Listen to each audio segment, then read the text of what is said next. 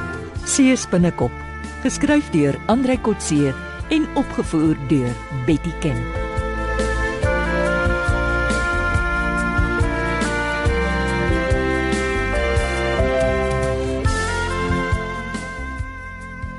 Hallo, skone dame, daar bo op die balkon. Hallo Johan. Wat maak jy onder in my tuin? Hou op raas. Jy maak almal in die buurt wakker. Ek serenade die mooi vrou daar bo. Dit is die mooiste dag. Hou van- op, hou op. Sal jy nou stil bly? Jy maak net 'n gek van jouself en van my. Kom liewer boontoe. Gebruik sommer die buitetrap. Ah, dankie. Dis wat ek wil hoor. Dis wat elke troubadour wil hoor. Mes soep van my ore. Kom kyk jy liewer hier in die teleskoop. Die stroopers is weer helder oordag op pad na die bamboeswoude aan die ander kant die wrak. Kom kyk, Spioneer jy alweer? daar oorkant. Vyf man op die rubberdak. Jy kan skipper Bobby duidelik aan sy baard uitken. Ja, so waar. Ek het vanmôre nog op die breekwater met hom gesels. Ek kry hom nogal jammer. Praat jy wraggies met hom? Praat jy met die vyand Johan? Wie se vyand? Myne, joune, die hele gemeenskap se vyand? Hy's 'n stroper. Jy sal verbaas wees om te hoor hy dra juis die belange van die gemeenskap op die hart. Hoe op aarde? Hy sê die ekonomie kan weer bloei as die hele gemeenskap saamwerk. Ag, dis bog. Ek sê jou, jy moenie met hom praat. Hy verwag inwoners moet hulle vrieskaste beskikbaar stel as daar te veel perlemoenes om af te vervoer. Het hy erken dat hy stroop? Nee. Nee, hy sê net op ander kusdorpe werk vissers en inwoners saam. As familie en bure almal betrokke is, is daar geen verklikkers of getuies nie. Jy moet oppas om jou met semels soos Bobby Jackson te meng. Sergeant Fortuin is hoeka op jou spoor. Daarom nie om my toe te sluit nie. Waarom wil hy jou so kort kort sien? Hy wil my betrek by sy speurwerk. Hoe nogal? Maar ek moet Chinese smokkelaars aan hom rapporteer. Ek hoop jy kan hom help. Maar hoe ken jy my? Ek het geweier. Maar hoekom? Ek sal enige misdadiger wat ek raakloop rapporteer, maar nie spesifiek die Chinese nie. Jy moet jou nie slim hou met Fortuin nie. Hy's ons knapste speurder. Hm, Seker. Ek wil net nie vir hom werk nie. Hy wil net jou kundigheid en taalvermoë gebruik. Dis wat hy ook sê. Dis wat ek ook wil hê. In plaas daarvan dat jy ons help om die stroopers te vang, maak jy maats met hulle. Ek het net in Bobby vasgeloop en hy het begin gesels Hoekom gerapporteer jy hom nie aan Sersant Fortuin? omdat hy nog geen misdaad gepleeg het nie. Ons kon nie bewys hy het perlemoen gestroop nie. Wel, vertel vir Fortuin wat Bobby sê van samewerking met skurke. Ek kan nie vir hom gaan vertel wat Bobby vertroulik aan my gesê het nie. Buitendien, ek is niemand se informant nie.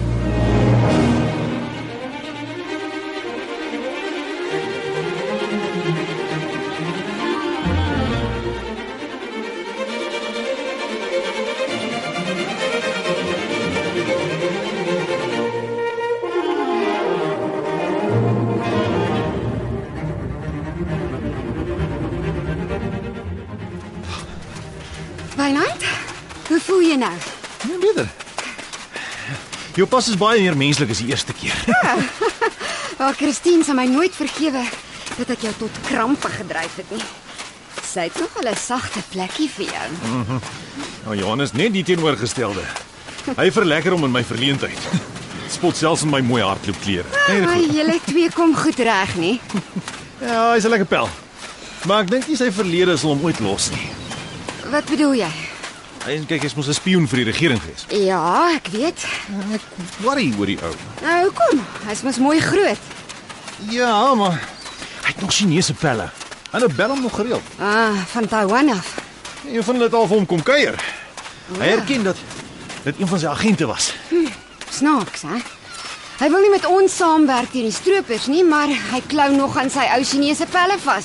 Hmm. Ek dink ek dink is meer 'n geval dat hulle hom pla, hè. Is jy nie maar net jaloers omdat hy ander vriende het nie? Hmm. Ha, Ek is 'n loner. Al wat my pla is dat Johanni hier by die spionasie betrokke wil raak, nie maar hy klets nog gereeld met Chinese. Ag, jy's verniet bekommerd. Soos jy sê, Johan sukkel maar net om uit die koue uit te kom. Ja. Om sy verlede af te skud. Dis al.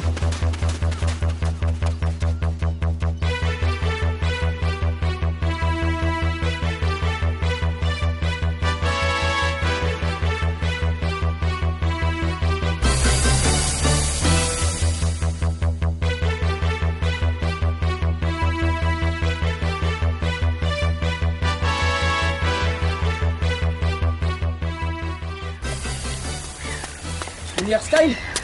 Dag Johan. Dag vir my. Susan Fortuin. Ekskuus, ek het nie geweet jy agtervolg my. Ek sal dit nie agtervolging noem nie. Ek het agtergekom jy stap elke oggend na by die hawe. Is dit teen die wet? Nee, nee, ek wil net gesels waar ons alleen kan wees. Ons gesprek mag dalk vertroulik wees, maar jy moenie dink mense sien ons nie saam hier op die hawe muur nie. Ek gee nie om nie. Jy het mos gesê jy wil nie geheime verhouding met my handhaaf nie. Kan nie onthou dat ek ooit so iets gesê het nie. Ek kom gesels oor groot bedrag geld. Ja, maar ek het mos al hoeveel keer vir jou gesê ek wil nie intelligensiewerk doen nie, nie verniet nie en ook nie vir geld. Oh, dis nie waarvan ek praat nie, Johan. Is jy bewus daarvan dat daar onlangs 'n groot bedrag in jou bankrekeninge inbetaal is? Wat vreemd is, is dat jy dit ook weet. Dit het uitgekom as deel van 'n ondersoek. Interessant. Vertel my van die ondersoek. Vandag vra ek eers die vraag meneer Stein. Ek sien ek het skielik bevordering gekry. Net nou was ek nog Johan. Maar kom ons praat reguit. Waarvandaan kom die 60000 rand wat in jou spaarrekening inbetaal is? Ek weet eerlikwaar nie, sussie. Wie het dit inbetaal? Ek weet nie, maar as jy my bankrekening dopgehou het, sou jy gesien het ek het elke sent die volgende dag terugbetaal. Ek het gesien ja, dit was slim van jou. Die vraag is aan wie is die bedrag terugbetaal? My bank het gesê dit was 'n bankfout. Dat dit teruggeskryf sal word na die deposant. Wie is die deposant? Ek weet nie. Die bank het ook gesê die FICA proses is nie behoorlik gedoen nie. Die rekening is in elk geval dieselfde dag na die inbetaling weer Wat gesluit. klink dit nie vir jou vreemd nie? Ja, natuurlik klink dit vreemd. Maar vir ons wat geld was hy ken eintlik nie so vreemd nie, nê? Wat bedoel jy, Susan? Kom nou. Betaal geld oor en sluit die rekening en hoop geen hand sal ooit weer daaroor kraai nie. As jy die moeite wil doen, gaan praat gerus met my bank. Ek sal dit waardeer as jy vir my ook sal sê wie die deposant is wat my soveel moeite aandoen. Om te dink jy het vir al jou moeite niks uit die hele transaksie gekry nie. Wat impliseer jy, Susan? Is daar 'n Chinese koneksie by die inbetaling? Wat bedoel jy? Die bank het seker vir jou gesê die adres van die deposant is die van 'n Chinese besigheid in die Kaap. Ja, hulle het. Ek sal bly wees as jy die besigheid sal opspoor. Is dit nie toevallig dat die inbetaling plaasgevind het 'n dag nadat die Chinese man vir jou kom kuier het op Agallas nie? So. Jy agtervolg my inderdaad. Nee, nee, nee, ek nie.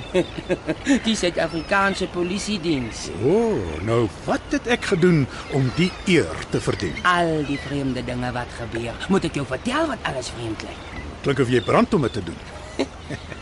'n hoog aangeskrewe amptenaar van die Suid-Afrikaanse Geheime Diens, oftewel 'n ervare spioen, tree vroeg af op 'n klein plek.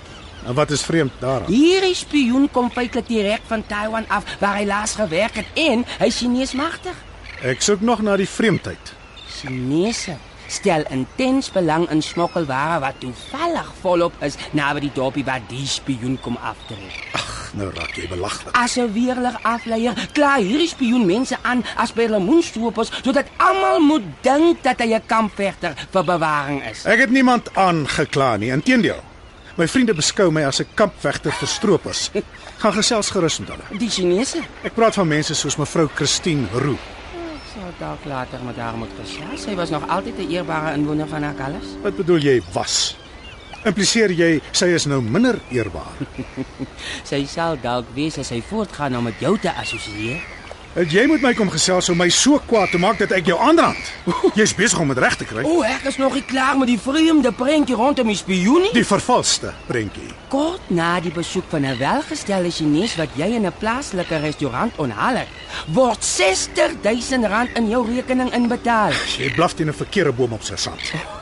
Jy kan nie 'n saak uitdink teen almal wat kontak met Chinese het. 'n Speurder van die polisie nader hom vir samewerking teen smokkelary, maar die spioen weier samewerking. Dis enige burger se reg om inligting oor sy vriende se privaatlewe te weerhou. Alhoewel die versoek spesifiek oor Chinese gaan, verwys die spioen nie eers na sy onlangse ontmoeting met die Chinees nie. Is daar nog iets wat jy wil? Nog baie, maar ek sal volstaan met 'n paar vrae oor jou vorige professie. Het jy dalk nog paspoorte met Paul se naam in jou besit? Nee, Jy is hier onder eet, nie, maar net vir die rekord, meneer Stein. Is jy steeds met jou eie spinasie werktoenig? nee. 'n Laaste vraag. Ontvang jy geld of voordele van vreemdelinge in ruil vir inligting? Nee. Jou laaste vraag is verby. En nou een aan jou, Sasant. Is ek 'n verdagte in 'n ondersoek na perlemoenstropery en smokkelhandel? Ek is bevrees, ja meneer Stein, maar jy kan maar voortaan met jou oggendstappie en dit waarmee jy besig is, ons sal weer gesels.